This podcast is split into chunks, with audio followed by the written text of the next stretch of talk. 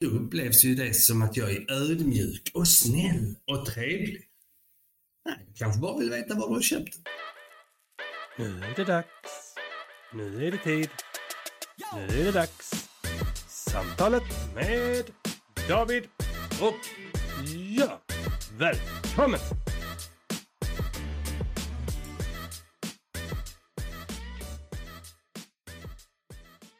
Hallå David! Hallå Björn! Hur är läget? Det är bra tack. Dig själv? Jo, men det är bra. Vi sitter i Malmö. Vi sitter i Malmö. Hör du när jag flyttar mig lite? Det. Ja, det är, du kanske får eh, ta den lite närmare dig, för jag har ju lite starkare röst än dig. Så ja, okej. Ja. Jag är inte ett litet barn Haha. i en vuxen mans kropp. Nej, så är det. Han är tio år äldre. eh, välkommen hit. Ja, men tack så mycket. Nu sitter vi i Fröfjällarens lägenhet. Nu sitter vi i Saras lägenhet. Mhm. Ja. En uh, fin liten lägenhet, måste jag säga. ja, men det är det. det är, solen skiner Solen skiner. och vi ska äntligen spela in ett uh, nytt avsnitt. Ja, det var ett tag sedan nu. Ja, Men eh, så är det. Det har väl varit eh, mycket fram och tillbaka. ja men... Många eh, olika, många olika anledningar. Men nu sitter vi här. Ja, och det är jävligt gött. Jävligt gött. Det är, ja. Men eh, vad, vad ska vi prata om idag? Ja, har du ett förslag? Ja, du, du nämnde ju någonting innan. Ehm, Med med ödmjukhet. just det. Just det. Eh, Ja men, eh, ja, men vi kan väl prata lite ödmjukhet. Det skadar väl inte att eh, definiera ödmjukhet. Nej? Um, det jag tänkte lite på, som jag sa tidigare, det jag tänkte på, um, och det här, det är det som är så roligt med de här samtalen, att det blir så spontant. Att jag uh, började prata om uh, definitionen av ödmjukhet och Björn bara, du bara liksom, hej, hej, vänta, håll, håll den där tanken nu, där, där var samtal, nu kör vi. Ja. Ja, vi kör. Den här uh, liksom, spontaniteten, den är härlig. Mm. Nej, men jag tänkte så. Jag satt och, jag satt och funderade mycket på eh, hur vi definierar ödmjukhet. Och, att vi, hur vi lär andra... Det där bara kom ut en två kilo lössnus på en doslott. Så jävla sjukt. Alltså, var, var, var har du gömt det? Men jag tänker så. Hur definierar vi, vi ödmjukhet? För, för vi, vi pratar alltid om att Ja, men kollar man på eh, sociala medier så ska man alltid vara ödmjuk. Du ska alltid vara lite humble. Du ska, det är det här hela tiden. Du är ödmjuk mot andra. Va, eh, hur definierar vi det? För vi ska lära våra barn vara ödmjuka. Vad innebär det att vara ödmjuk egentligen? Mm. Vad är skillnaden på att vara ödmjuk och vara snäll? Vad är skillnaden på att vara ödmjuk och vara hjärtvänlig? Vad är skillnaden på att vara ödmjuk och vara mänskligt trevlig? Eh, Kan man vara ödmjuk och egoistisk samtidigt? Det kan man vara. Absolut, det kan man säkert vara. Och det är där jag tänkte, men hur, för vi definierar alltid ödmjukhet gentemot andra. Mm. Hur, hur definierar vi vår ödmjukhet gentemot andra? Vi definierar alltid ödmjukhet hos andra gentemot andra. Så hur någon bemöter en annan person, dess ödmjukhet, den definierar vi gärna. Men hur många gånger definierar jag min egen ödmjukhet mot mig själv? Mm. Hur många gånger definierar jag vad, vad, vad det innebär att vara ödmjuk, ödmjuk mot mig själv? Inte utifrån vad du, om du är ödmjuk mot mig, eller om Kalle eller Pelle eller en kollega. Utan hur, kan jag, hur definierar jag min egen ödmjukhet mot mig själv? Och det har stått mig rätt mycket. För varför ska jag definiera hur, hur jag är mot andra innan jag definierar hur jag är mot mig själv? Mm. Jag, jag tillåter, jag tillåter eh, osäkra tankar bygga bo i mitt huvud. Jag tillåter eh, känslor eh, fästas vid osäkra tankar. Så, så jag tillåter mig själv att, att skapa den här ångesten, den här oron, den här generella ångesten. Vi har pratat om det redan idag. Eh, den växer sig snabbt. Den växer sig snabbt i mitt huvud. Den växer sig snabbt i min kropp. Man får det knyter sig i magen. Det kan vara vad som helst.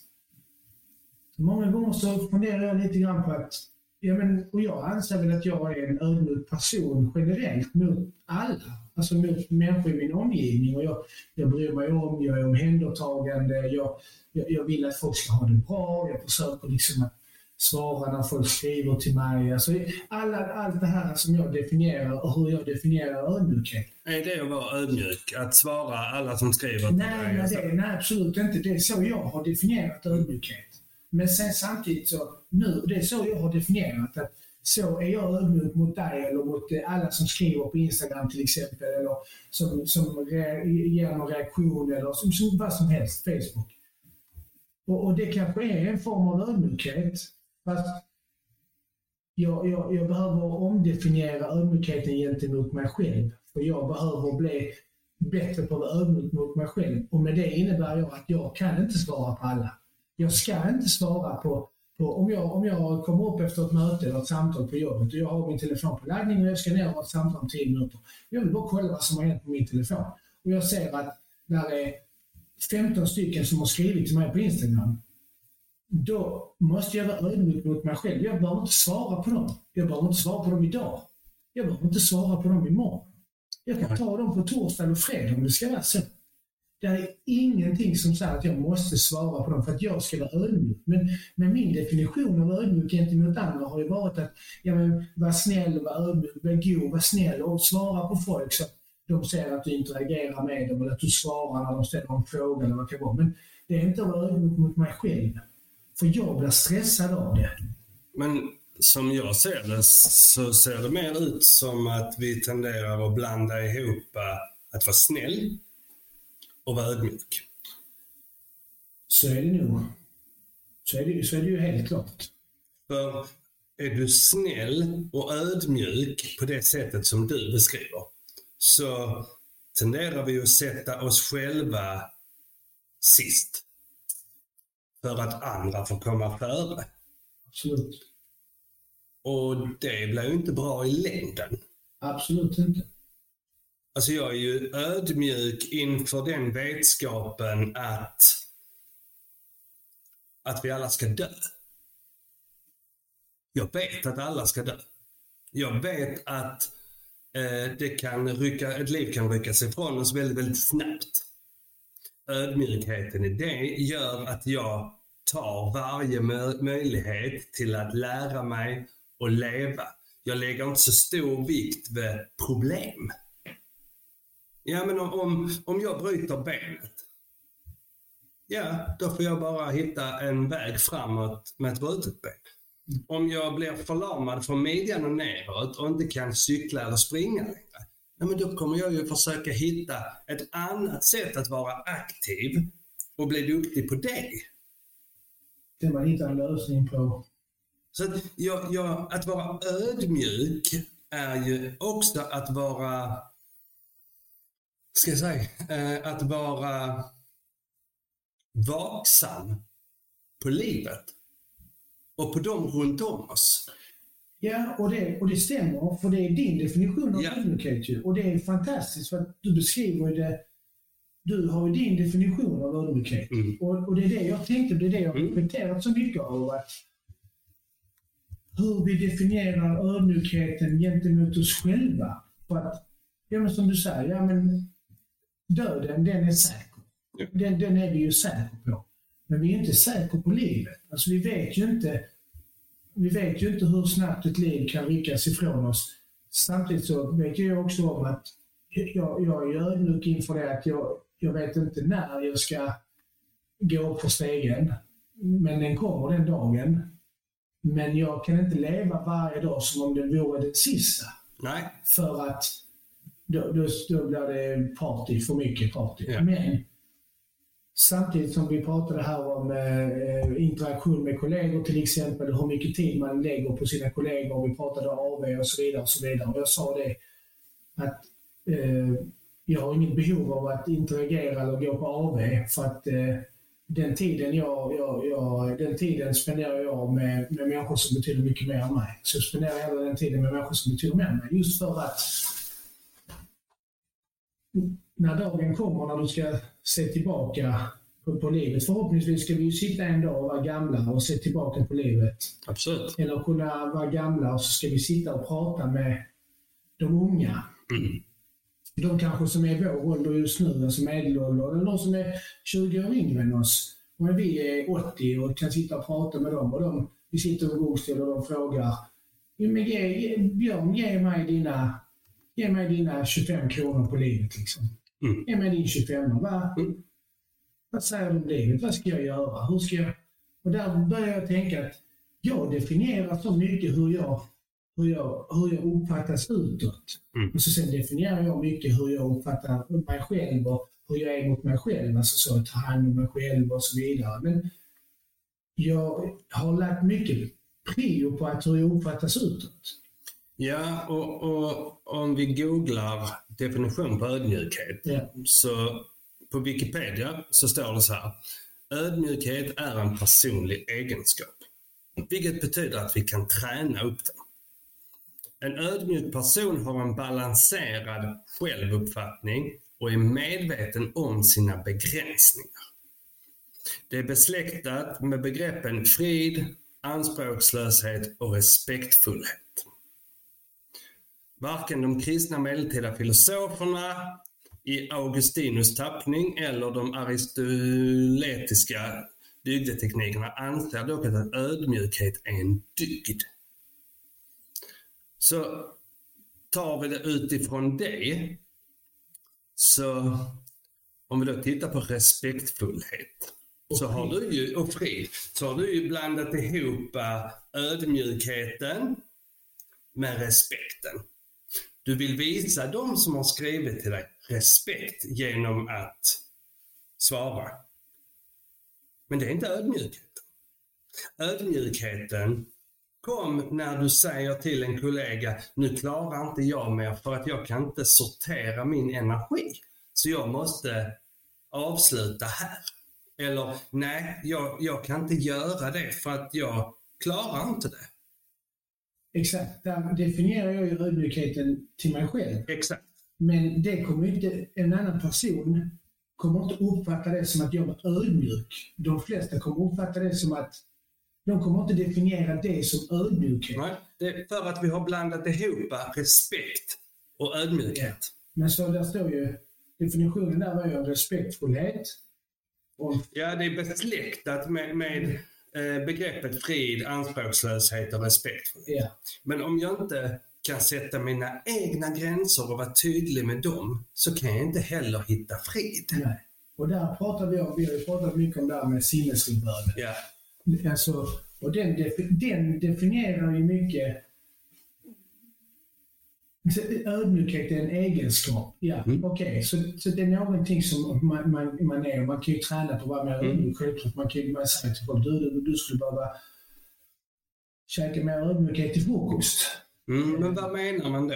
Oftast Egentligen menar man väl egentligen du borde käka mer respekt för dina medmänniskor. Ja, men egentligen vill jag säga, jag skulle egentligen säga att egentligen det jag menar är att du borde bli mer ödmjuk, definiera din ödmjukhet mot dig själv. Så att när, du, när någon borde käka mer ödmjukhet till mellanmål eller frukost så innebär det att den personen borde se inåt och, och peka på sig själv och, och se hur kan jag göra för att vara mer ödmjuk mot mig själv? För att när jag blir mer ödmjuk mot mig själv så tror jag att jag kan också eh, definiera hur jag är mot andra. Mm. Um, nu blir det väldigt djupt, men jag tänker ju på det här med, med, med, sinnesro. Mm. Om det är en sinnesrobön eller en sinnesro talesättet. Vi kan definiera det hur man vill. Ja. Kalla. Vi tar bort Gud för att det inte ska bli så stigmatiserat. När man säger jag, vill ha, jag skulle vilja be om sinnesro, att Ja. förändra det jag kan, acceptera det jag inte kan förändra. Och mod och förstånd att inse skillnaden. Och då kan man säga Ja, men sinnesro, jag, vill, jag behöver mod och förstånd och frid. Att, att, att inse skillnaden, att Mm. förstå skillnaden. Ehm, Ja, men friden kommer ju ifrån att kunna se skillnaden på det Ja, jag det- kan det förändra och det jag inte kan påverka. det blev, det blev Ja. en form av sinnesro där. Och den, den har ju varit viktig för mig. Detta, alltså att jag tänker på detta här, nu vi pratar om Ja. det, det, det kommer ju upp till mig då och då. Alltså Mm. när jag har tid över Mm. i hjärnbalken och jag behöver liksom sortera tankarna. Eh, definition av ödmjukhet är någonting som jag har jobbat med i många, många år. Eh, men det blir så påtagligt. Ju äldre jag blir, ju mer jag värdesätter min tid, Mm. eh, ju mer jag måste, ju mer jag, ger, jag säger stopp och ger rött kort till energitjuvar, desto mer viktigt blir det hur jag definierar ödmjukhet mot mig själv. Det vill säga hur jag är ödmjuk mot mig själv. Men egentligen, så det du säger här är ju egentligen, ju äldre du blir, ju mer ödmjuk blir du. Ja, det, så är det. Och så är det För, för att helt plötsligt så värderar du dina egna begränsningar. Du värderar din egen kunskap. Du värderar vad du klarar och inte klarar och du har modet att säga det. När vi, när vi säger till någon du borde käka mer ödmjukhet till frukost. Så är det ju ofta att den personen har kört över någon annan för att de inte vet sina egna begränsningar. så är det. Men om vi inte får lära oss att ödmjukhet handlar om att vara lite egoistisk och säga att nej, jag klarar inte detta. Så blir det ju fel.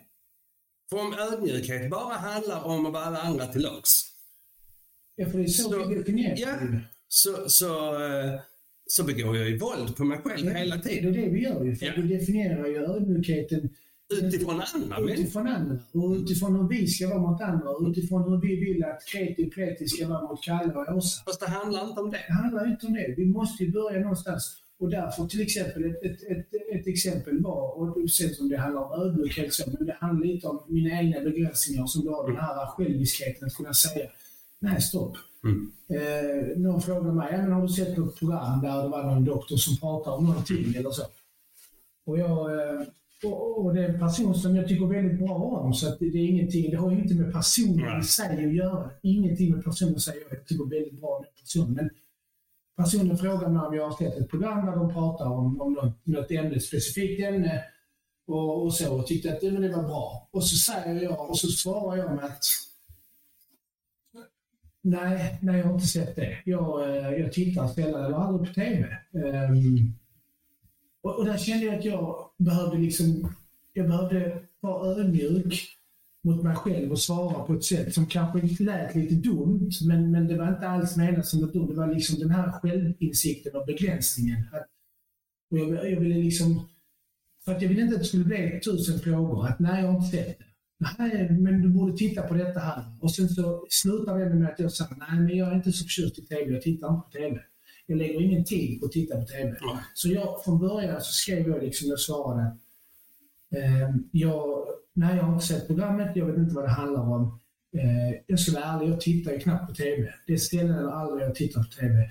De få stunderna i veckan, eller per två veckor, som jag faktiskt sitter ner och tittar på TV på någonting vettigt, eller så jag försöker, då är det att jag tittar på någon serie som jag eh, tycker är intressant. Eh, jag tittar sällan eller aldrig, alltså då menar jag sällan eller aldrig. Alltså jag minns inte sist jag satte mig och tittade på, på de vanliga kanalerna, alltså SVT och TV4 och de här. Jag minns inte när jag gjorde det sist. Så, men jag behövde ha sagt detta här för att det inte skulle bli mer följdfrågor, eller för att vi inte skulle prata mer om ämnet. Just för att jag inte har... Jag, Kände du dig kunskapsfattig där för att du inte har, för att du inte har det behovet att, att se på TV och hänga med med det som de pratar om? Nej, för att ämnet i sig kan jag. Det Mm. de pratar om. Det ämnet i sig kan jag. Det var bara det att... Eh, och sen så, det, ja, sen, sen så delade du om det ämnet. Ja, okej, ja. Så, så, så Ja. ämnet i sig har jag inga problem med, utan det var mer att jag kände att jag behövde vara ödmjuk mot mig Mm. själv. Mm. Att okej, gå inte in i det här och låt detta äta dig. Det tar för mycket av det. För jag känner att det tar mycket av min energi. Så skrev jag liksom så att jag lägger den tiden som eh, gemene man, eh, neurotypiker, Mm. eh, lägger på att titta på TV. Den tiden lägger jag på att, den lägger jag på att spendera tid med mina barn. Mm. Ehm, och jag lyssnar inte på poddar när jag är hemma. Nej. Jo, men inte när jag är med mina barn eller när, jag, när jag och min fru gör någonting. Jag, sitter, jag lyssnar på, på poddar när jag sitter på tåget, när jag, i, när jag har paus i jobbet, när jag sitter och skriver i jobbet. Då lyssnar jag på poddar. Då Mm. vidareutbildar jag mig, eller vad ska jag säga. Ehm, när jag cyklar till och från träning. Alltså den, Ja. den här, de här stunderna. Men Ja. jag kände ju att ödmjukheten här, jag, jag, behöver vara, jag behöver inte vara ödmjuk mot personen och personen i fråga Mhm. Vet redan om att jag är ödmjuk alltså, Ja. mot andra. Precis. Så denna personen vet redan om att jag, jag säger saker eller så med en ödmjuk hand. Ja. Men jag kände att, och det kommer inte missuppfattas. Det är inte så att personen kommer att tro att ah, men var så taskig och oödmjuk han var han han sa det. här. Utan jag kände att jag behövde lätta mitt hjärta på ett sätt som fick mig själv att känna att jag var ödmjuk mot mig. Ja. Sen hur det kommer ut i stunden skiter jag fullständigt i. Jag bryr mig inte ett rött helvete Nej. hur det kommer ut. Utan så länge jag är tillfreds och känner att Precis. nu var du ödmjuk mot dig själv då. Ja. För du Precis. fick definiera detta för dig. Ja. Ja, och detta, detta kom ju sig av att jag tidigt i morse la ett inlägg om vår föreläsning och där jag skrev eh, om vad det handlade om, MPF och ADHD och autism. Och strategier och allt det här.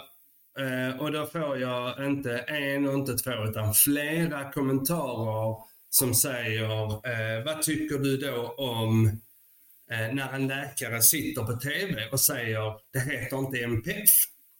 Och då fick jag ju svara att jag vet inte vad det handlar om. Vem är det som har sagt det? När, I vilket kontext? Och då visade det sig att det var Björn Roslund, en av Sveriges främsta på ADHD. Överläkare i Lund på ADHD-kliniken. Har skrivit boken Haja ADHD. Han var på Fråga doktorn igår, tror jag det var. Och han börjar med att informera Fredrik Sten, som är hundcoach, att vi säger inte längre MPF. Nej. Nej.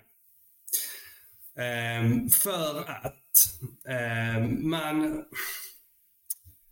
Och där, där blev det lite märkligt för att folk kunde inte, förstod inte vad han menade. Ordet MPF används inte längre i professionen på det sättet. Utan idag så använder man utvecklingsrelaterad funktionsavvikelse.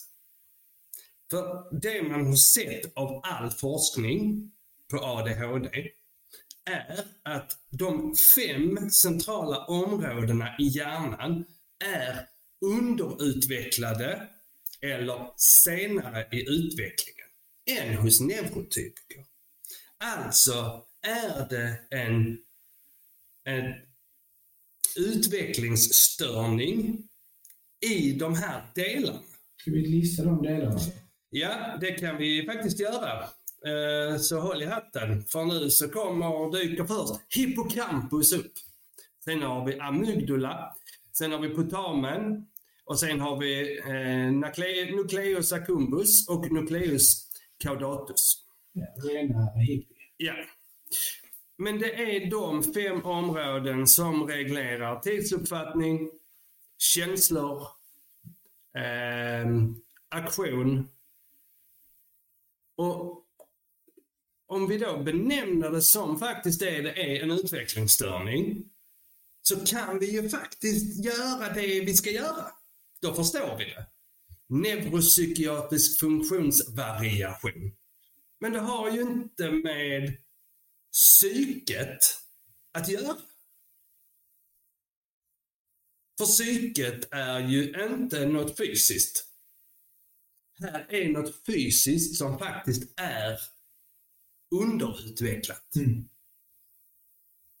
Och, och eh, då, då skrev jag ett långt, långt inlägg och där jag avslutade med Detta betyder inte att du är korkad om du har ADHD. Det handlar om att med denna beskrivningen bättre kunna skapa förståelse, tydlighet, behandling och stöd för just ADHD.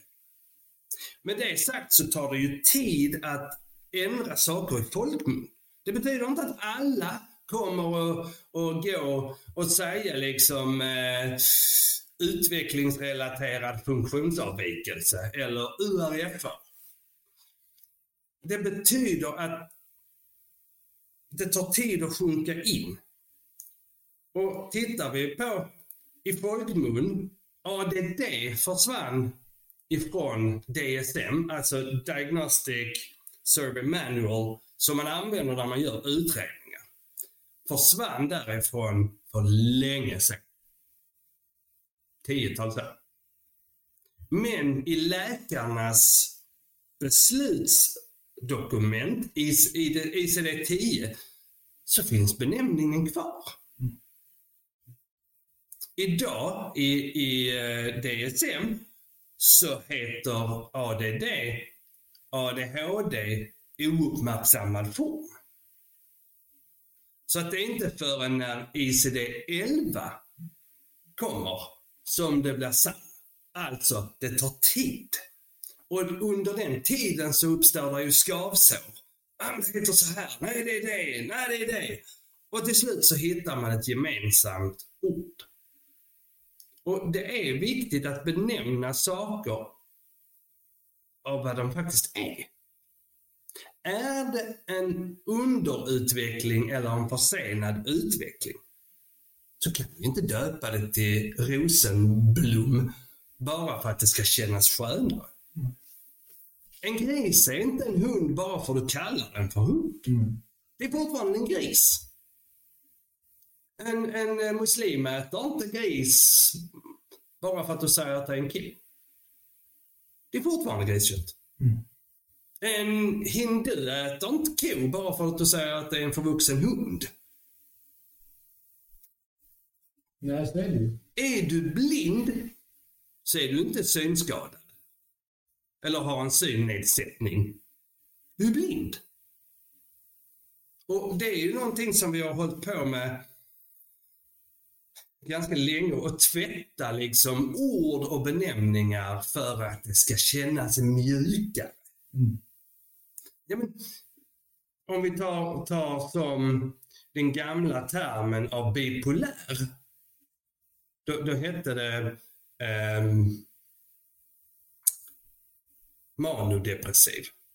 Och det beskriver ju faktiskt tillståndet. Du blir manisk och sen blir du depressiv. Ja. Manisk upp och ner. Ja. Och då är det lätt att förstå vad det handlar om. Men så ska det kännas, det ska paketeras lite mjukare. Så då hittar man på någonting annat. Bipolär. Två poler. Ja, men två ytterligheter. Högst upp och längst ner. Men det beskriver ju inte vad det handlar om. Nej, den är svår att förstå om man inte... Om jag säger manodepressiv så är det ju lättare att koppla det till jävla maniskt. Det slår slint och sen så blir jag depressiv. Så detta handlade egentligen inte om att Björn sa att ADHD och autism och, och dyslexi och alla de här funktionerna inom det vi har kallat för NPF, att det inte finns. Det man har sett av forskningen, det är ju faktiskt att det är en utvecklingsstörning. Ja. Och jag har inte skrivit om det. Detta är någonting som jag har sagt under ganska lång tid att det där är en utvecklingsstörning. Men hade jag skrivit det och yttrat det så hade jag nog fått ganska mycket hat från väldigt många. Åh, det är inte en utvecklingsstörning. Nej, för att när vi säger utvecklingsstörd så tänker vi på någon som, som är, eh, har ett eh, intelligens, eh, ned- nedsatt intelligens, saglar, kan inte prata. Alltså, så mycket. Men det handlar egentligen om att den utveckling som skulle skett, den har inte skett. Mm. Eller den är försenad. Ja, och den utvecklingsstörningen, den, den, känner man ju, den känner man ju själv ju. Ja. För ju äldre man blir och ju mer medveten man blir, mer känner man ju den utvecklingsstörningen, att det det är är en det. utvecklingsstörning. Ja, alltså hur många gånger så har du sagt till dig själv så här, "Åh, jag är helt jävla utvecklingsstörd. Mongo liksom. Ja. Och det handlar ju inte om att vara mongolit. Nej, nej, absolut inte. Utan- Inget fel på det. Nej. Utan det är bara, Utan vi, om vi då kan enas om, nu, nu tycker jag att man borde ta fram en eh, akronym till eh, utvecklingsrelaterad funktionsavvikelse. URFA känns ju lite tacky. Men, och utvecklingsstörning känns ju inte, den ligger inte helt bekvämt i bröstkorgen. Vilket NPF gjorde, för det var ingen som fattade den neuropsykiatrisk funktionsvariation, neuropsykiatrisk funktionsavvikelse, neuropsykiatrisk funktions vedermöda. Nej men alltså, det var ju så mycket liksom. Så att, eh, hör du detta Björn så får du hem, hemskt gärna ta fram en akronym som vi kan använda. Ehm, men där, där handlar det också om att vara ödmjuk. Jag är ju ödmjuk för att det är det här. Ja. Jag har en, en, en funktionsavvikelse som kommer av att mina områden i hjärnan är senare i utvecklingen eller mindre aktiva.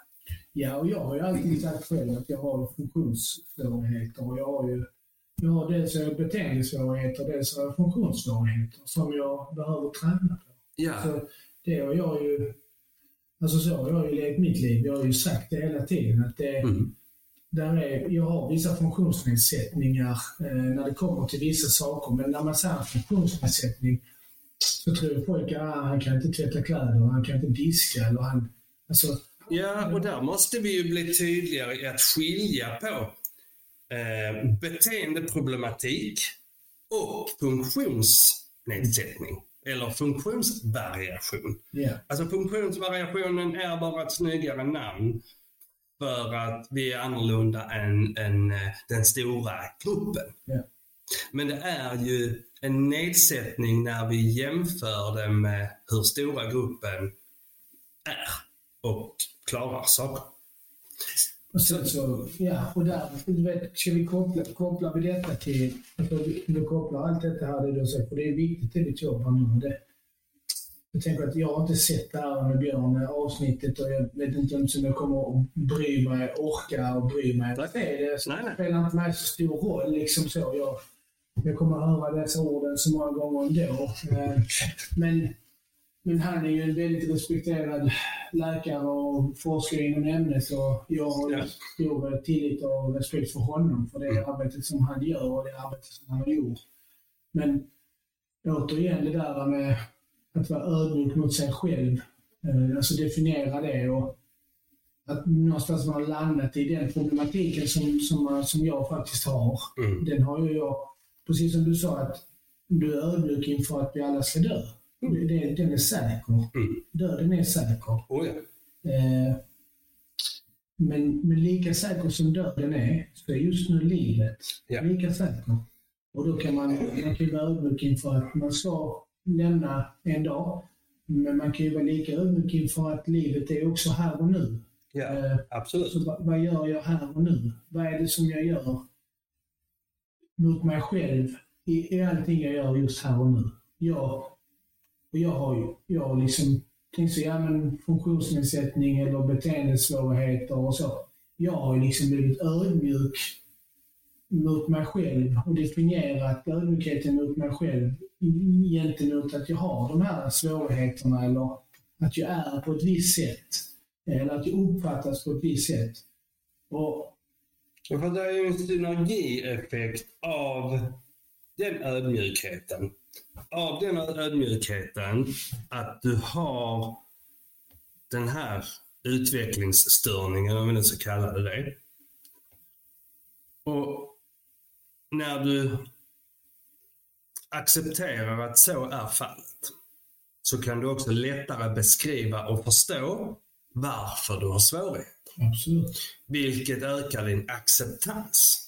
Har du en acceptans att så här är läget, då är det lättare att se vad du behöver göra för att funka och sätta gränser. Absolut. Då är det också lättare att bli ödmjuk inför att andra inte funkar på samma sätt. Vissa har svårare, fast vi har samma utvecklingsstörning, så har vi olika grader. Och det är där också, det där att vi, vi, är, vi är snabba med att försöka definiera vår ödmjukhet inför andra eller gentemot andra. Okej, andra förstår inte mig. De förstår inte vilken, vilken problematik, vilka svårigheter jag har. Men förstår du det själv? Ja, men även om jag förstår det så tror jag att många gånger så definierar vi ödmjukhet med att vi måste vara ödmjuka gentemot att andra inte förstår. Fast jag behöver inte vara ödmjuk mot någon annan som inte förstår mig. Jag behöver vara ödmjuk mot mig själv om jag har förstått mig själv.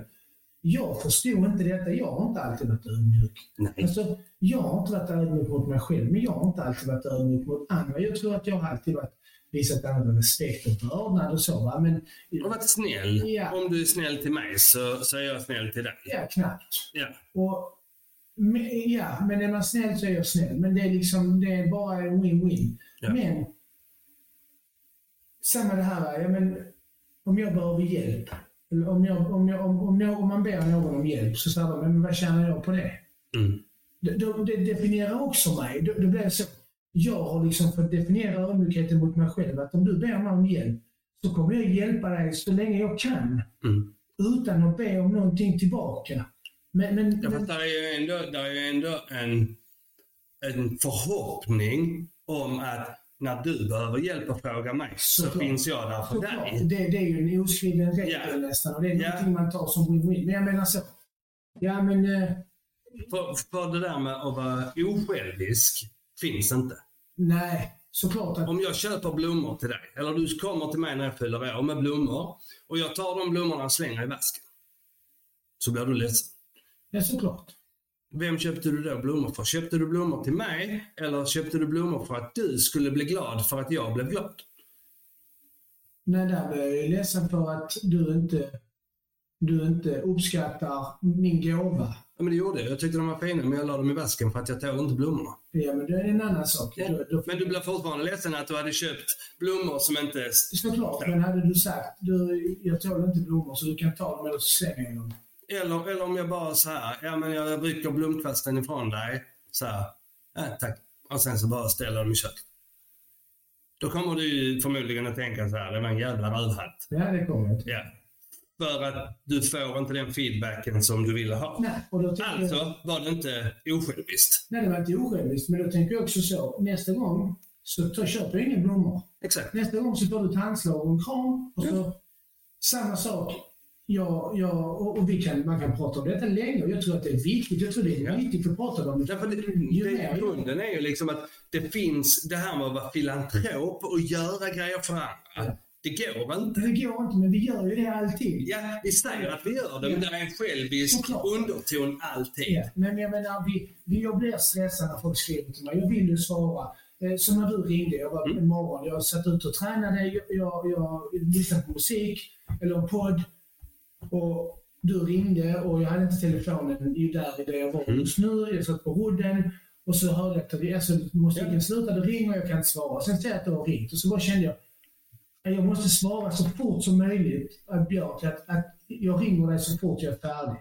För att jag vill inte, jag vill inte att du ska missförstå mig eller, eller eh, bli orolig varför inte jag svarar dig. Du vet om att Ja, jag sagt- absolut, Du vet att absolut. jag antingen tränar jag eller så är jag öppen. Så är det ju. Så Och är jag det vill ju. ju lugna dig. Ja. Och det är också för att jag har blivit mer ödmjuk mot mig själv. För att jag vet att det är så jag fungerar. Mm. Så i takt med att jag, jag lär mig fortfarande om, de här, om, om, om mina, min diagnos och mina svårigheter.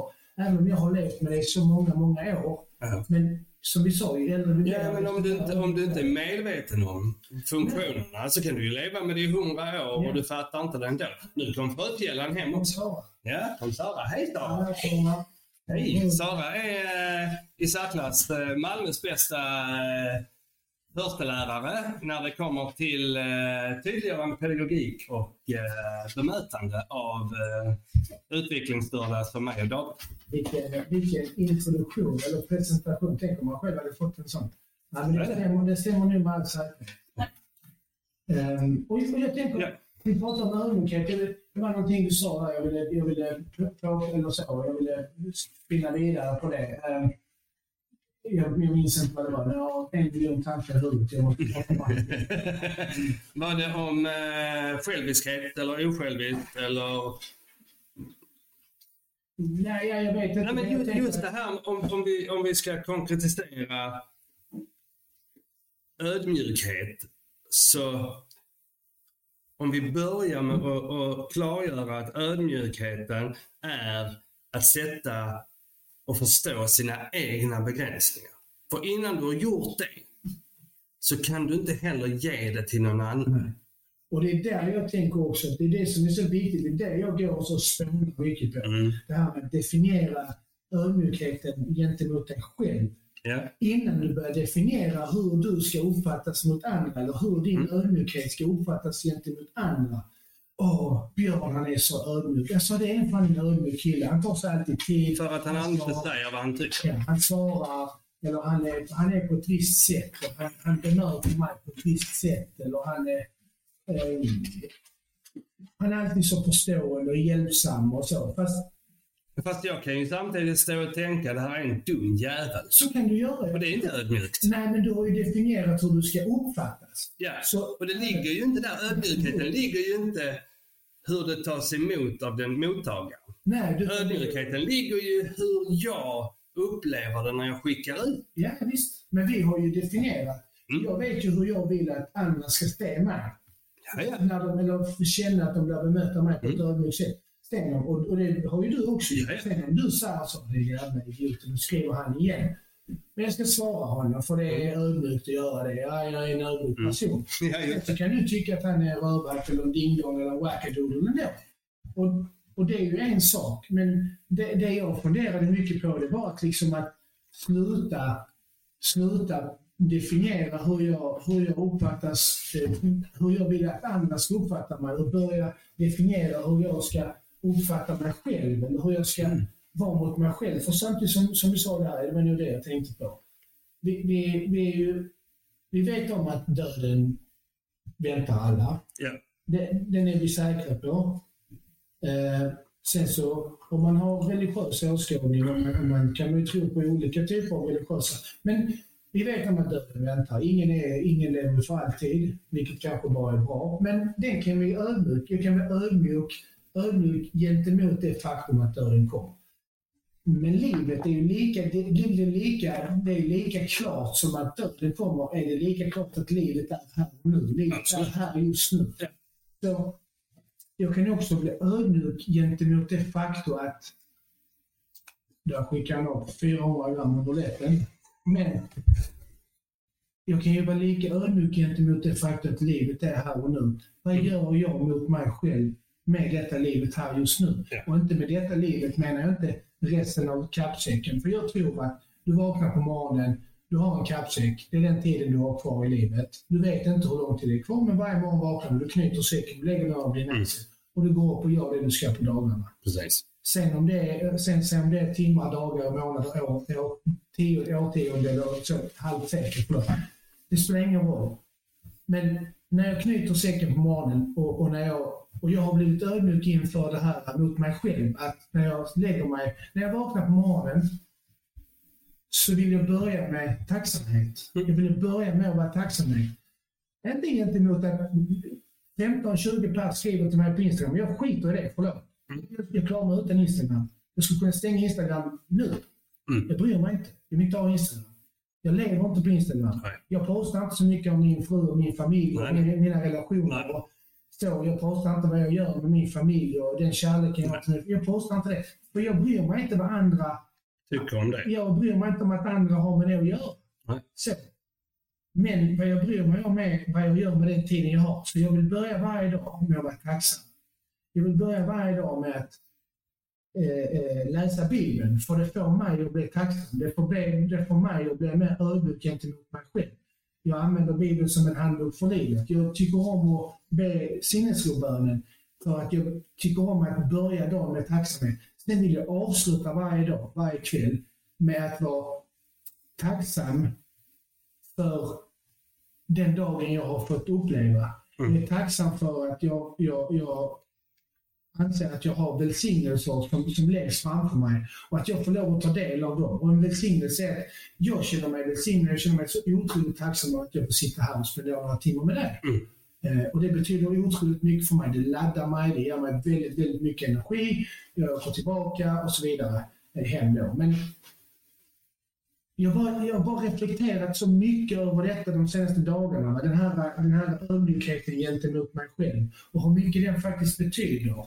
Ehm, och hur, mycket, hur lite jag bryr mig om, om allt annat som sker runt omkring. Alltså, Mm. här, nästan, nästan det här har jag börjat fundera på det här med minimalistiskt. Alltså, Mm. eh, jag träffade en kompis, vi har inte träffats på många, många år. Eh, mycket nära vän, så vi har inte träffats på länge och vi pratade om hur man lever idag gentemot hur vi levde för 15 år sedan, 10 år sedan. Vet, nu är det minimalistiskt. Eh, det är samma där ödmjukhet. Det är mycket, jag kan definiera det.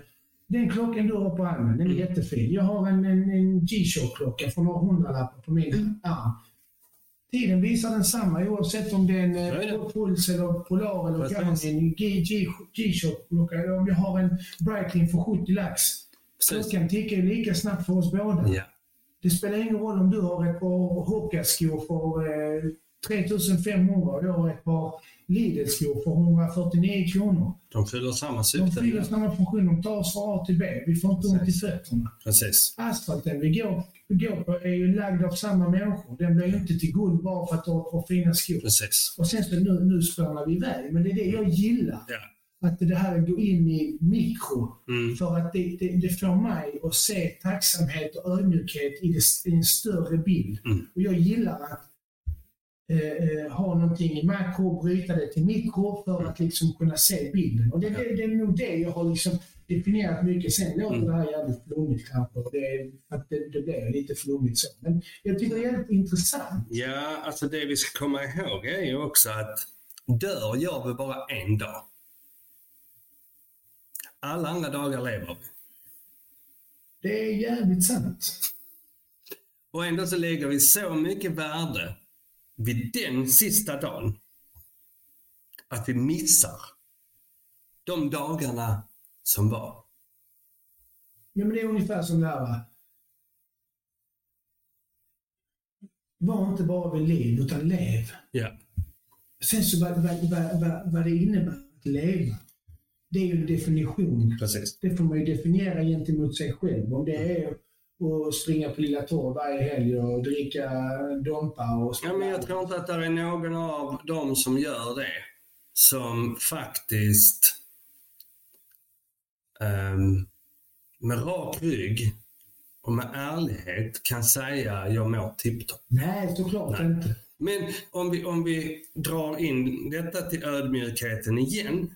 Så du nämnde det här med kappsäcken, att lägga den över axeln på morgonen. Och då handlar det ju också om att varje kväll när man går och lägger sig så öppnar man kappsäcken. Och så tittar man på de stenarna som ligger där. Och är det en sten som jag behöver ta itu med imorgon så får den ligga kvar. Men är det stenar som jag inte kan göra någonting åt så får jag acceptera det och lyfta ut dem och lägga dem på golvet eller något. För att de stenarna som du inte kan göra någonting åt, de blir ju bara dödvikt. Ja. Så länge du har den stenen du kan förändra så påminns du om att det här ska jag åtgärda. Och när du har åtgärdat den så försvinner stenen. Precis. Det är det här, förändra det du kan, acceptera. Exakt. Mm. Kan jag inte förändra att det är krig i, i, eh, i världen? Jag personligen kan inte göra någonting åt det. Jag kan tycka det är surt och jag kan demonstrera, jadi, jadi, jadi. Men mer än så kan inte jag göra. Då är det inte, då är det inte hållbart att jag ska leva i den tanken att jag skulle skapa en förändring. Med det. För då, då, då, liksom, då går jag i sönder. För att, att fokusera på saker som jag inte kan förändra eller påverka gör att jag fastnar och står med huvudet mot en vägg och bara trampar, trampar, trampar. Och till slut så är min energi slut. Och medan jag står där och trampar och försöker förändra saker som inte går att påverka så dör ju allting annat runt omkring. Då är det tusen andra grejer som jag hade kunnat påverka eller förändra till det bättre. Mm. Som jag har missat. Och så vaknar jag upp och tänker, varför är det så jävla synd om mig? Varför är det ingen som eh, vill ha mig? Jag som är så ödmjuk. Ja, precis. Ja. Om man inte har definierat den i sig själv Och det är samma, alltså det har ju med, det, har ju med, alltså det här med livet och så, så det har ju med allting, alltså man kan ju se allting jag skrev till någon i något sammanhang eh, nu bara för en dag sedan, det var någonting med fysisk och psykisk hälsa. Liksom, eh, skrev jag att den dagen, den, den dagen du blev förälder så, så fick du ett helt annat syfte i livet. Ja. Och, och ditt främsta syfte i livet borde vara att sköta om din hälsa, din fysiska och din psykiska hälsa ska du sköta om för dina barn. Du behöver ingen motivation. Du behöver ingen motivation för varför du ska hålla dig i, i psykisk och fysisk bra form. Dina barn, det räcker att titta på dem. Där har du, din, där har du ditt varför. Sen, sen, det, sen kan det ju vara jävligt svårt. Klart, det finns ju... Och det finns olika, under olika grader i helvetet också. Såklart. Så, så, Ingenting är skrivet i sten. Jag bara menar, det jag bara menar är att men, vi, för det här handlade lite om träning. Mm. Och det, så sa jag det, men vi vet om att din mentala hälsa blir påverkad till det positiva Mm. av att din fysiska hälsa blir bättre. Så är det ju. Så är det. Sen är det inte, sen är det, det är bara en liten del av det. Ja. Sen har, du psyki, alltså har man psykiska problem, eller man har problem med sin psykiska hälsa, ja då är det många andra saker och bitar, aspekter man behöver jobba med.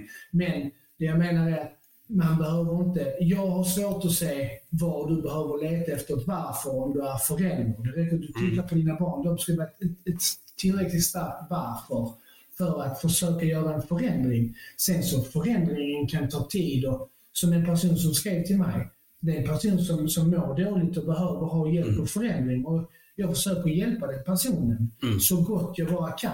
Ja. Och liksom, med förändringsarbetet och att den, för att den personen då ska kunna få en, en, en lite bättre psykisk men också fysisk hälsa. Mm. Eh, och det får ju börja någonstans. Det. Och den personen verkar vara mottaglig och så, men då börjar jag också berätta för den personen att det du behöver göra är att du behöver också definiera hur du är mot dig själv. Mm. Inte bara hur du är mot andra och hur du vill att andra ska uppfatta dig.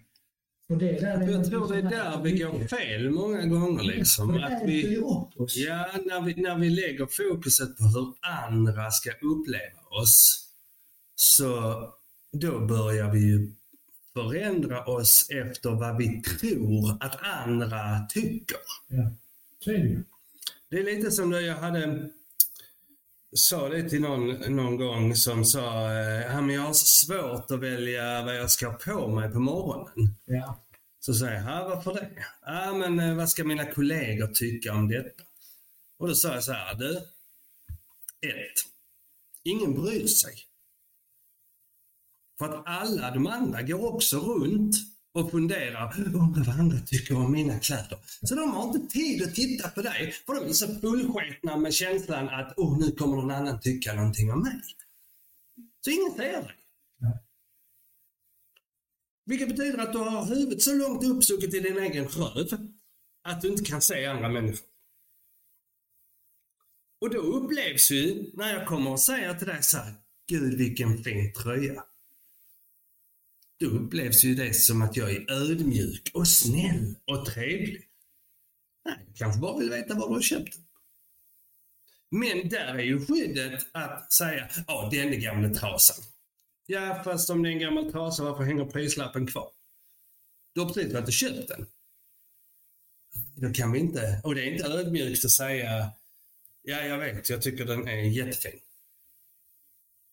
Eller varför inte bara säga, tack. Tack. Det är ju en jättebra början på att träna ödmjukhet.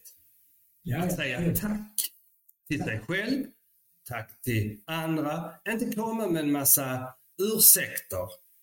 Åh, tack för att du tog, eh, tog med dig eh, smör nu när vi ska fika. Nej, men det är ingenting. Åh, jag hade ändå så mycket hemma. Nej, för att jag hade 25 spänn och det var det jag hade kvar och sen så köpte jag smör för det. Ja. Säg tack. Stopp.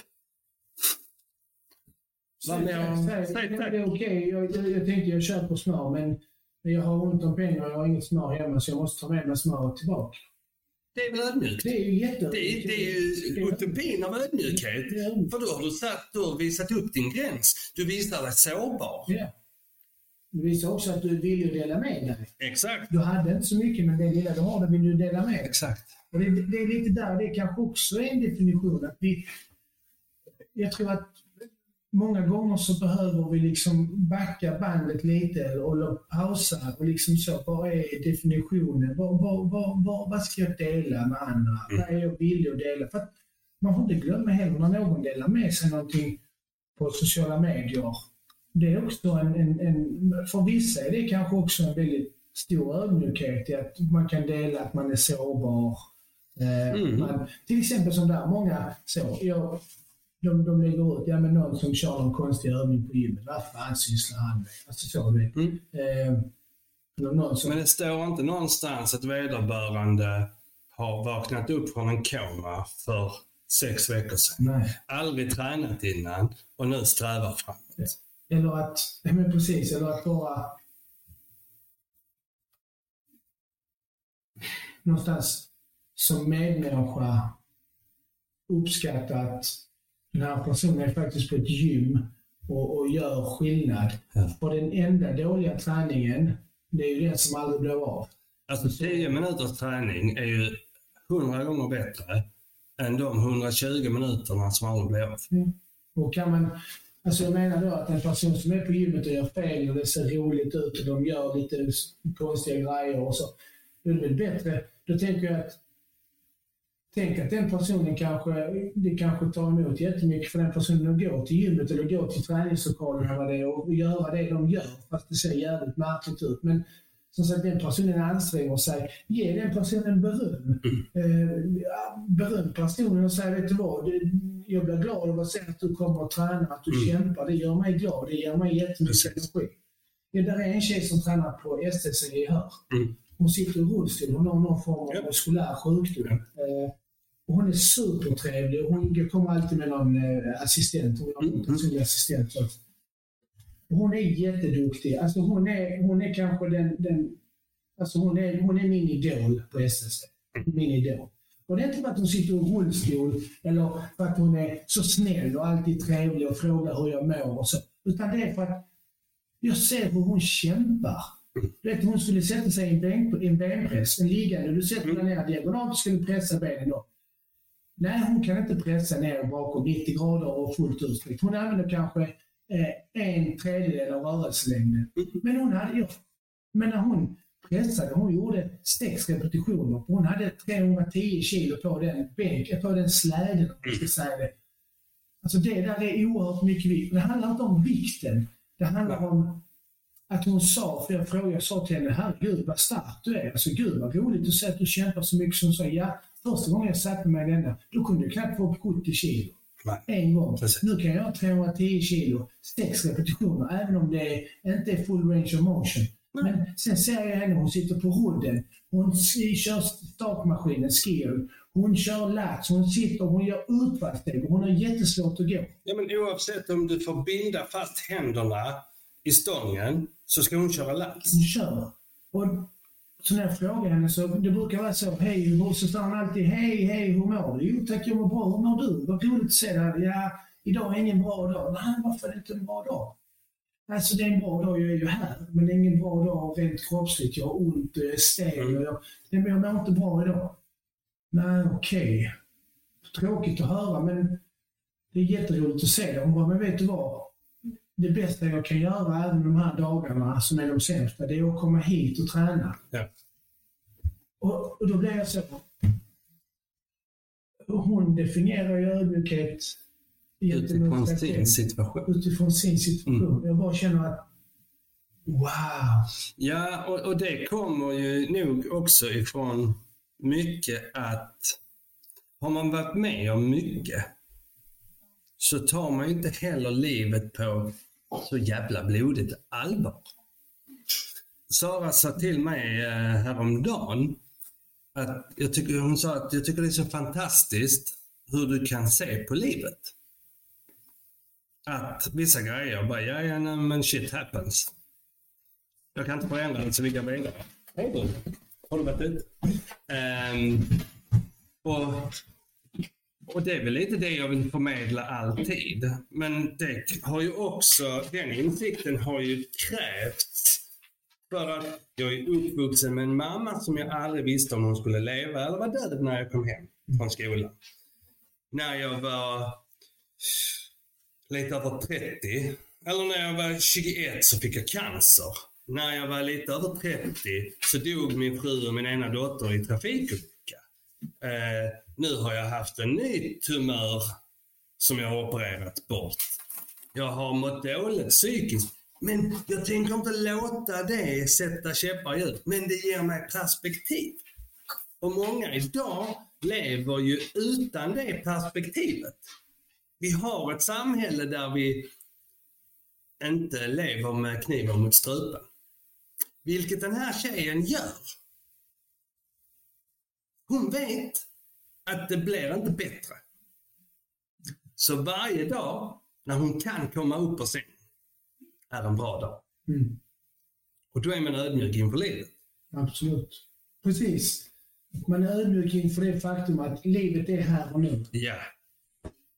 Och det är väl det där, kanske där har du också definierat att du har varit med om så mycket destruktivt och så mycket bakslag eller vad man ska kalla det. Prövningar kanske. Ja, ja. Så, Alltså det är bara prövningar. ja. För utan de prövningarna så hade jag inte suttit här med dig och spelat in denna podd. Nej. Jag hade inte träffat Sara. Utan mina eh, fallerade relationer de sista 15 åren hade jag inte träffat Sara. Hade inte olyckan varit om min fru och, och en dotter hade dött så hade inte min son levt. Jag hade inte haft hunden för min dotters mamma var allergisk. Så att i varje bajskorv kan vi krama ut en diamant. Nu har vi det som, eh, det är också ett topic nu. Det är där en grej. Ur varje bajskorv kan vi krama ut en, eh, en diamant. Mm. Och, och, nej men alltså just det här att det kvittar hur illa situationen är. Så kan vi hitta något positivt i det. Äh, Säger du att fan Björn, jag hatar dig. Så är det ju tråkigt. Men så ger du mig en kram. Ja, Så blir det lite Ja. bättre. precis. Och, och att säga David, vad kan jag göra för att hjälpa dig? Eller kan jag göra någonting för dig? Så att du mår lite bättre. Och är det någon som tycker jag är dum i huvudet? Men det är helt okej. För det är inte min känsla, det är deras. De grundar den på någonting. Vad vet jag inte. Men jag behöver ju inte svara. Ja, men du då? Eller du är också dum i huvudet. Utan bara, ja det var tråkigt att du kände så. Jag brukar, eh, inte, inte, inte, inte till alla, men till vissa, vet när man ser att någon behöver lite extra. Det är många gånger jag kramas. Jag, när jag, jag, jag tror så här, jag tycker om, jag är fysisk, tycker om Mm. Men när jag kramas så vill jag att det, jag vill att det, det, det är äkta. Det, det är kärlek. När jag kramar någon så är det för att jag, så jag tycker om människor. Sen är det vissa människor, de behöver en kram på vänster sida. Och jag brukar alltid säga så. Det är vissa jag, man, man träffar som behöver det, det behöver det lite extra. Och då säger jag alltid, nej, när man ska kramas. Så vi kramas ju alltid på höger sida. Vi har ju alltid höger bröst och Ja. höger bröst. Då säger jag, nej, vi ska kramas på vänster sida. För hjärtat. För hjärtat sitter på vänster sida. Så sa de alltid, varför ska vi krama på vänster sida? För det blir hjärta mot hjärta. Det blir lite mer personligt. Den kramen blir lite mer personlig. Och den kramen känns lite bättre Mm. att ge. Men den kramen, den kramen ger man inte till alla. Nej, För det är inte alla som behöver den. exakt. Men det är vissa som behöver den kramen. Mm. Och de, de människorna ger jag kramen på vänster sida. Och jag säger också till dem att varför vi gör det. Mm. Så sen när vi träffas så, så kramas man på vänster sida. För de behöver hjärta mot hjärta. Mm. Och Ja, jag, tänkte väl att eh, det var precis som du sa där. Alltså, det blir en bra avslutning, liksom. En Mm. bra avrundning. Att- Men ja, Hjärta mot hjärta. hjärta mot hjärta och sen så se på livet eh, som att i varje bergskorv så kan man faktiskt, eller ur varje bergskorv kan man komma ut en diamant. Mm. Precis. Och med de eh, skitnödiga orden så tackar vi för att ni har lyssnat på detta avsnittet. Och eh, gång. Om en vecka så har vi ju föreläsning i Malmö. Den 26 på Den 26 på onsdag. Eh, klockan 19 börjar vi. På garaget i Malmö. Kolla på Facebook, eh, Instagram, sök eh, Håll mitt kaffe medan jag utvecklar psykisk ohälsa. Till nästa gång. till nästa år. Puss och kram! Puss och kram. Du har lyssnat på Samtalet med David Trop bien.